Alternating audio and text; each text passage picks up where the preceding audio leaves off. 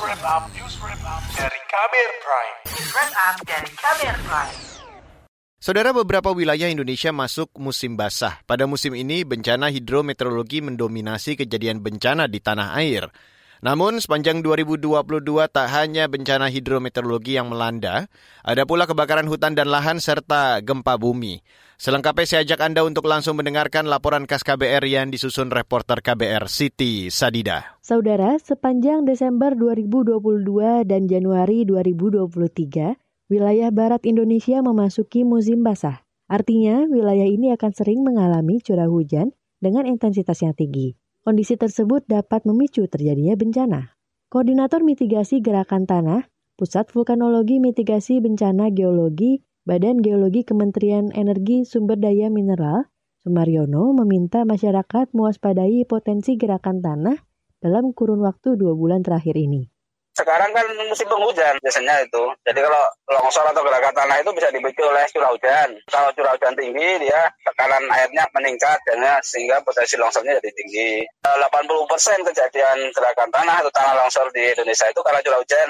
Pergerakan tanah berupa tanah longsor, ambles, atau banjir bandang bisa terjadi karena suatu dataran mengalami hujan dengan intensitas yang tinggi.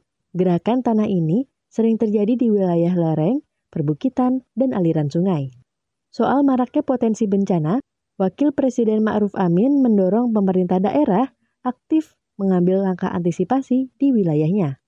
Karena itu kita memang sudah memerintahkan agar pemerintah daerah, provinsi dan kabupaten, terutama mereka yang memang merupakan daerah langganan terjadinya bencana, itu sudah menyiapkan diri untuk menghadapi, melakukan antisipasi melakukan mitigasi terhadap hal-hal yang mungkin akan terjadi baik kepada warning kepada masyarakat kemudian juga persiapan-persiapan kemungkinan terjadinya termasuk anggaran yang harus juga disiapkan di daerah selain di pusat di Kabupaten Aceh Utara, Aceh misalnya, belum lama ini terdapat lebih dari 7.000 jiwa atau 2.000-an kepala keluarga mengungsi karena menjadi korban banjir. Selain itu, menurut Kepala Pelaksana Badan Penanggulangan Bencana Aceh (BPBA), Ilyas, BPBD bersama Dinas Sosial juga membuka dapur umum untuk menanggulangi kebutuhan pengungsi di masa panik. Banjir Aceh Utara itu sudah berulang-ulang. Nah ini adalah banjir kiriman di samping curah hujan yang tinggi di Aceh Utara. Dan banjir ini diperhitungkan dalam minggu ini curah hujan seluruh Aceh itu tinggi.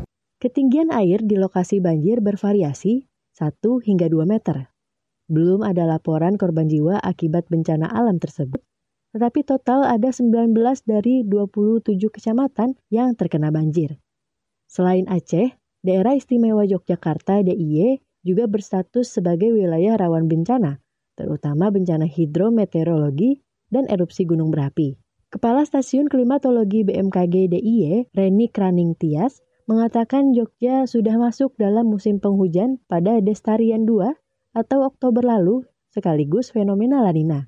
Kondisi tersebut menyebabkan iklim menjadi lebih basah dari biasanya. Jadi lanina ini berdampak pada penambahan intensitas curah hujan di wilayah kita di DIY khususnya. Jadi kita sudah masuk musim penghujan, kita mendapat suplai uap air dari benua Asia menuju wilayah kita. Karena kita mengalami fenomena lanina, kita juga mendapat pasokan uap air dari Pasifik menuju wilayah kita. Diprediksi fenomena lanina akan terjadi sampai Maret 2023. Meski begitu, tak hanya bencana hidrometeorologi yang terjadi di Indonesia.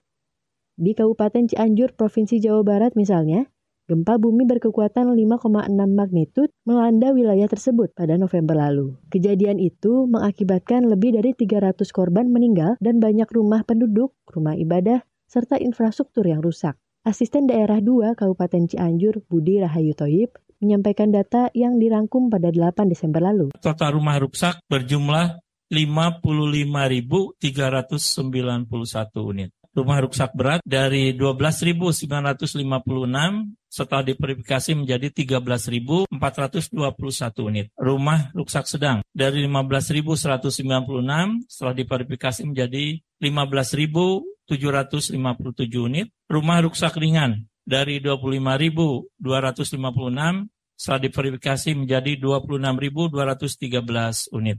Berdasarkan catatan BNPB, terdapat lebih dari 3.400 bencana sepanjang 2022. Rinciannya, lebih dari 1.400-an banjir, 620-an tanah longsor, 1.000 lebih cuaca ekstrim, 250 kebakaran hutan dan lahan, serta satu letusan gunung berapi. Badan Nasional Penanggulangan Bencana atau BNPB mengharapkan masyarakat selalu waspada akan potensi bencana. Laporan ini disusun dan dibacakan Siti Sadida. Kamu baru saja mendengarkan news wrap up dari Kabel Prime. Dengarkan terus kbrprime.id, podcast for curious mind.